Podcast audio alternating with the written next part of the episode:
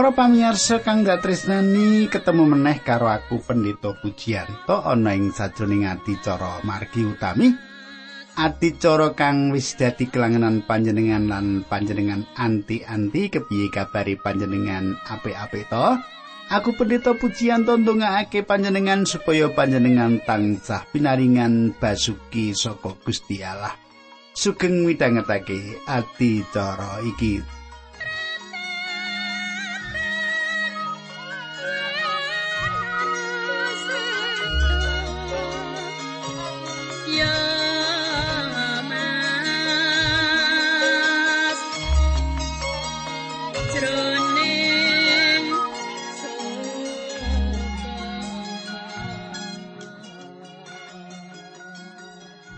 Katangku, tak jaluk panjenengan isih kelingan apa sing tak aturake marang panjenengan ing patemon kita kepungkur. Nanging becik menawa aku ngaturake apa kang tak aturake kepungkur sing pokok-pokok wae supaya panjenengan kelingan apa sing tak aturake marang panjenengan ana ing patemon kepungkur. Ing kepungkur sing kita kegilut saka kedadian nalika Gusti Yesus ditahan lan diadepake marang Imam Agung Kayapas.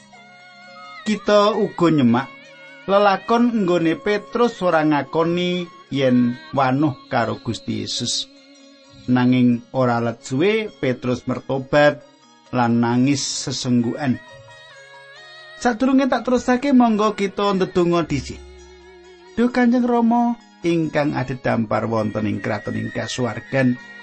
Kawula nyuwun tuntunanipun Gusti supados adicara menika saestu dados berkah kegiatan lan panglipuran kangge sanak kadang kawula. Linambaran asmanipun Gusti kawula Yesus Kristus kawula ndedonga. Haleluya. Amin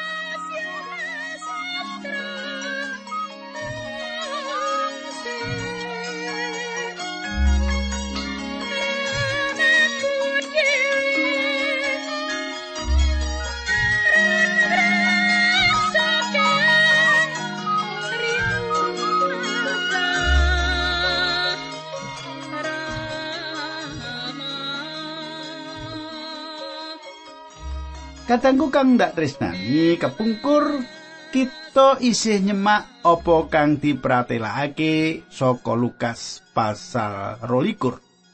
Saiki kita terusake ing ayat swidak telu nganti swidak limo.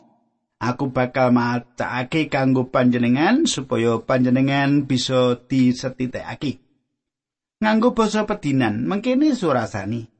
Gusti Yesus dipoyoki lan digebuki dening wong-wong sing padha nahan panjenengani. Paningale ditutupi nuli ditakoni bedheken sapa sing gebuk kowe.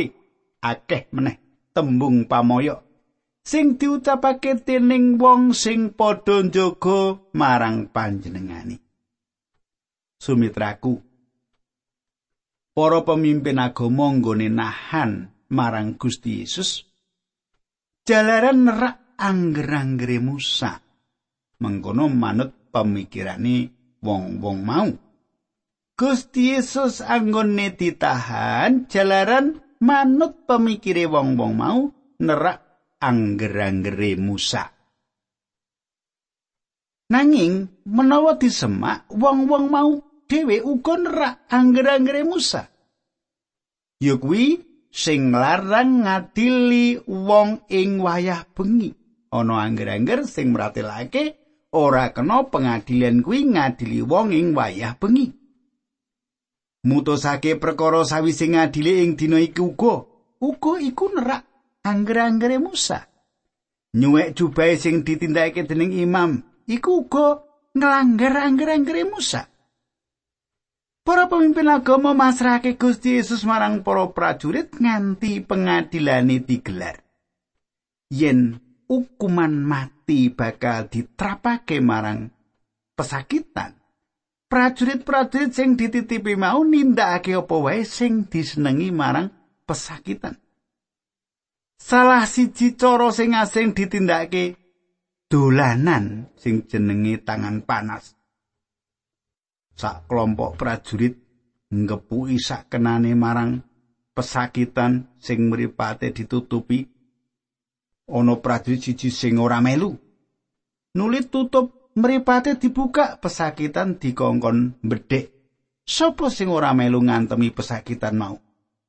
Yen pambedheke luput bakal entuk pidana digebuki sak katoke. Ya kaya ngono iku nggone nyiksa sang juru wilujeng kita Gusti Yesus pasuryane nganti bengep lan tatu mula nalika mikul salib menyang Golgota Gusti Yesus ora kuat meneh lan pancen wis katon kesel banget saiki diteruske Lukas rolikur ayat swidak 6 nganti swidak songo mengkini surasan. Iswe para pengareping wong Yahudi, para pengareping imam lan para ahli Taurat padha nglumpuk. Gusti Yesus banjur diladeke perdataning agama. Wong-wong mau padha takon marang Gusti Yesus kondhuwa, "Apa kowe Sang Kristus?" Gusti Yesus ngendika, "Senadan aku kondhuwa, kowe ya ora bakal ngandel." Lan senadan aku takono apa-apa kowe kabeh ya ora bakal mangsuli. Nanging saiki putrane menungso bakal lenggah ana ing tengene Allah kang Maha Kuwasa. Katengku ing Mahkamah Agama Yahudi ngajakake pitakonan apa panjenengan Sang Kristus. Yen jawab yo, panjenengane didakwa dadi pengkhianat, bungsu sing bebayani, jalan wis ngaku dadi sang juru wilujeng sing tegese nglawan panguwasa Romawi. Saiki Lukas 12 ayat 70 nganti 71. Wong mau padha muni yen mengkono apa kowe kuwi putrane Allah, pangandikane Gusti Yesus. Yo pancen mengkono. Wong kabeh banjur padha muni, kita wis ora perlu seksi meneh. Wis padha krungu saka tembungi dhewe. Kadangku. Yo kanthi alasan iki, para pemimpin agama Yahudi setuju yen Gusti Yesus disalib. Nanging iku dudu pandhawa sing diajokake marang pemerintah Rom. Nalika pengadilan marang Kristus dipindahake ing pengadilan Romawi, wong-wong iki ngowahi pandhawani. Saiki kita mlebu ing Lukas pasal 13. Kita mlebu Lukas pasal 13 saiki tak wacake ayat siji tekan loro. Perdoto kabeh nuli padha ngadeg lan ngirit Gusti Yesus menyang ngarsane Gubernur Pilatus. Ana ing kono wong-wong mau padha nggugat aturi, "Kula sami sumerep. Bilih tiang menika nasaraken rakyat.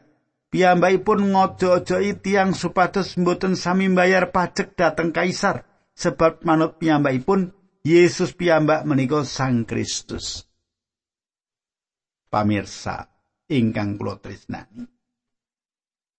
Pilatus iku gubernur Rom sing ditugasake ing Palestina.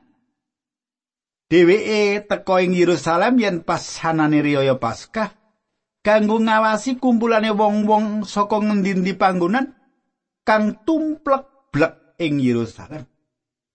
Jalaran nglanggar marang angger-anggere Musa ora ana urusan karo pemerintahan Rom.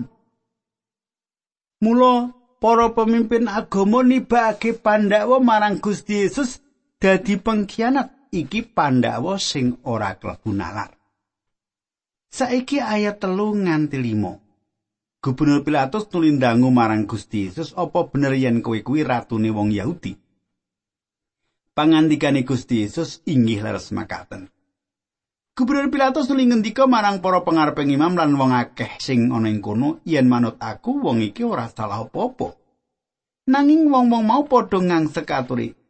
Srana piwulangipun tiang menika ngojo-ojo dhateng tiang satanah Yudea, kapure mbalela kawiwitan saking tanah Galilea lan samenika sampun dumugi mriki.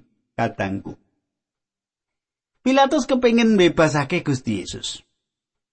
Dheweke mratelake yen Yesus kabukti ora salah apa-apa lan ora perlu kudu nampa pidana nanging Gusti Yesus didakwa dening para pemimpin agama Yahudi yen panjenengan iku pemberontak arep mimpin revolusi merontak marang angger-angger Rom tak terus saiki aku arep maca ayat 6 ngantek ayat wolu Bareng Gubernur Pilatus mireng ature wong-wong mau nulindang, "Apa kowe iki asale saka tanah Galilea?"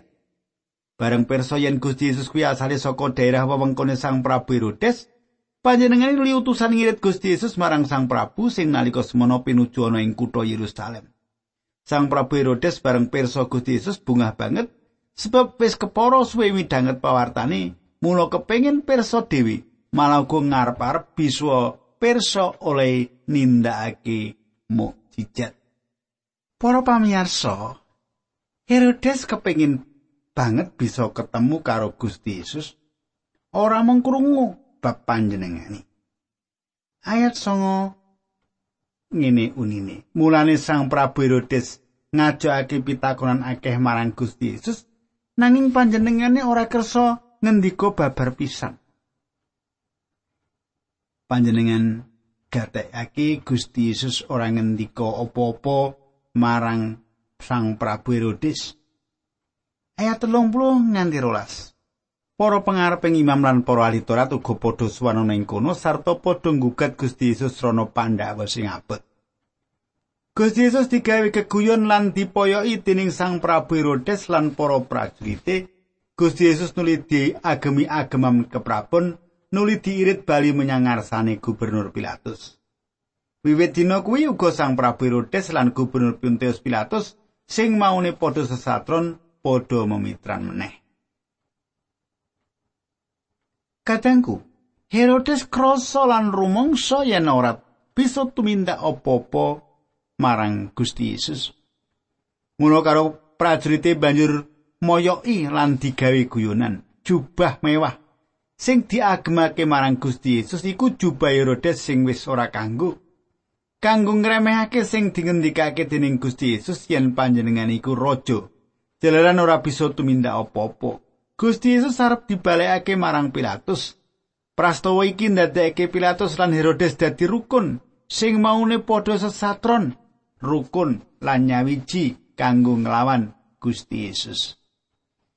Saiki ayo nerusake pamacane kita Lukas bab 13 ayat 13 nganti 15 Gubernur Pilatus nuli ngumpulake para pengareping imam lan para pemimpin apa dene rakyat nuli ngendika marang wong-wong mau kowe padha ngladekake wong iki marang aku lan kowe kandha yen wong iki nasarake wong akeh wong kuwi wis ndak priksa ana ing ngarepmu nanging munggo ing aku aku ora nemokake kaluputan sing kok gugatake Semono Sang Prabu Herodes sebab panjenengane uga wis ngirim Yesus iki bali mrene, wong iki ora nglakoni apa-apa sing patut dihukum pati.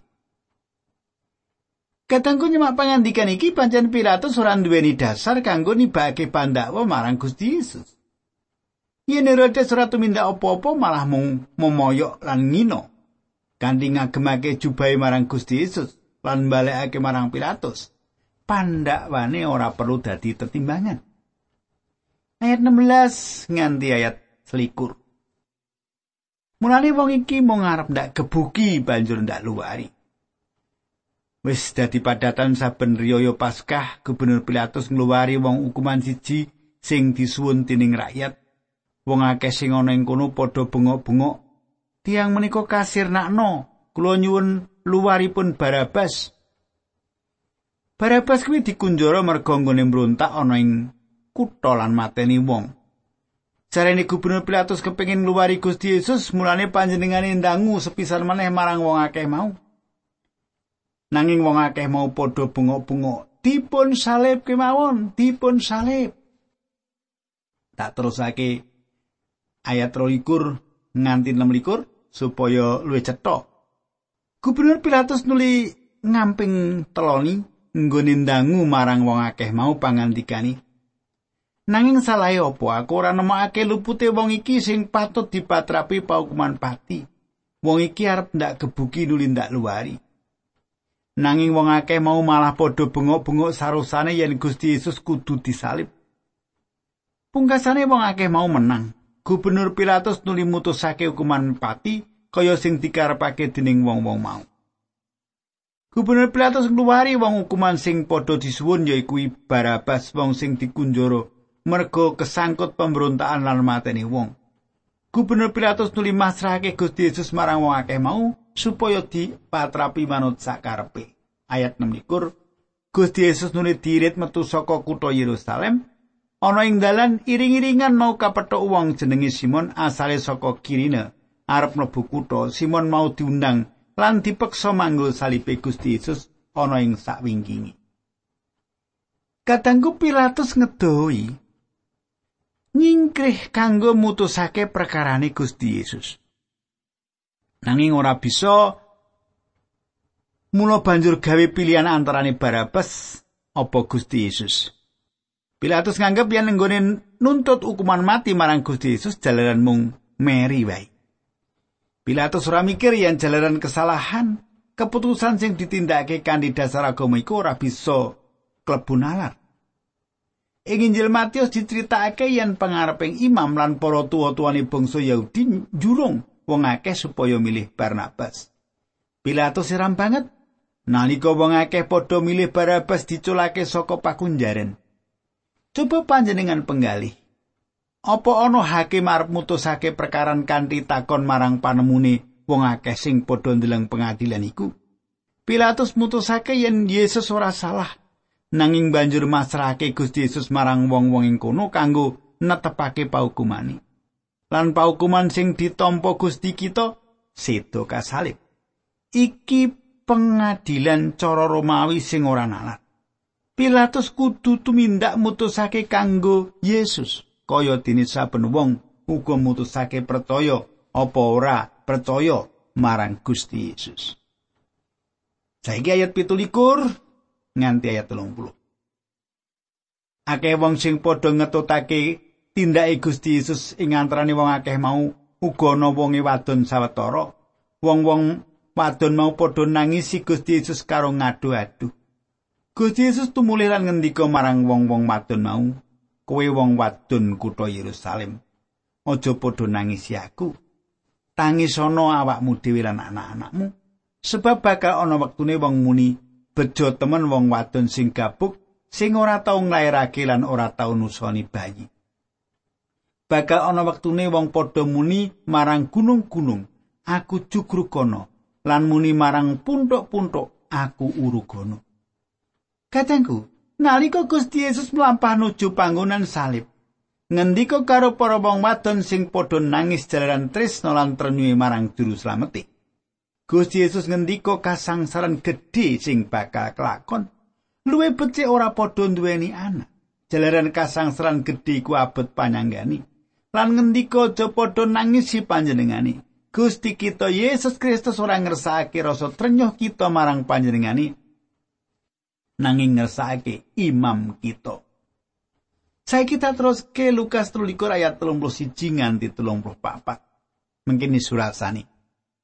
Sebab yen kaya mengkene penggawene wong marang kayu sing urip mindahane meneh kayu sing garing bakal dikapake. Ana durjana loro sing uga padha dirit bebarengan karo Gusti Yesus. Barang wis tekan panggonan sing disebut pacumplungan, Gusti Yesus nuli disalib bebarengan karo durjana loro mau sing siji ana ing tengene, sijine ana kiwani. Gusti Yesus nuli ndedonga, "Duh Rama, kalepatanipun tiang-tiang menika mugi paduka apunten amargi mboten sami mangertos menapa ingkang sami dipun tindakaken. Kadangku kang dak tresnani. Gusti Yesus nyuwun marang Allah ramani supaya wong-wong mau padha keparingan pangapura. Yen Gusti Yesus ora nyuwunake pangapura, wong-wong mau banjur rumangsa salah lan bakal ora ana pangapura saka Allah jalaran wis nyedani putrane Allah. Lukas 13 ayat 35. Agemane Gusti Yesus nuli didum-dum srana diundi. Wong akeh padha ngadeg nonton apa sing kelakon ning kono. Para pengareping wong Yahudi padha moyoki Gusti Yesus unine. Dheweke wis nyelametake wong liya. Jajal apa saiki bisa nyelametake awake dhewe yen nyata wong kuwi Sang Kristus utusane Allah. Katangku, yen Gusti Yesus tumedhak saka kayu salib, panjenengane dudu Kristus. Panjenengane ora jangkepi wacane Nabi Yesaya ing sebab sedani.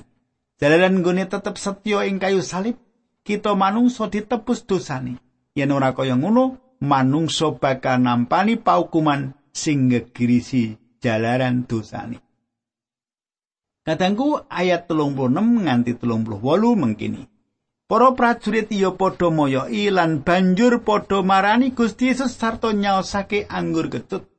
Banjur padha muni, yen kowe ratune wong Yahudi nulungono awakmu dhewe.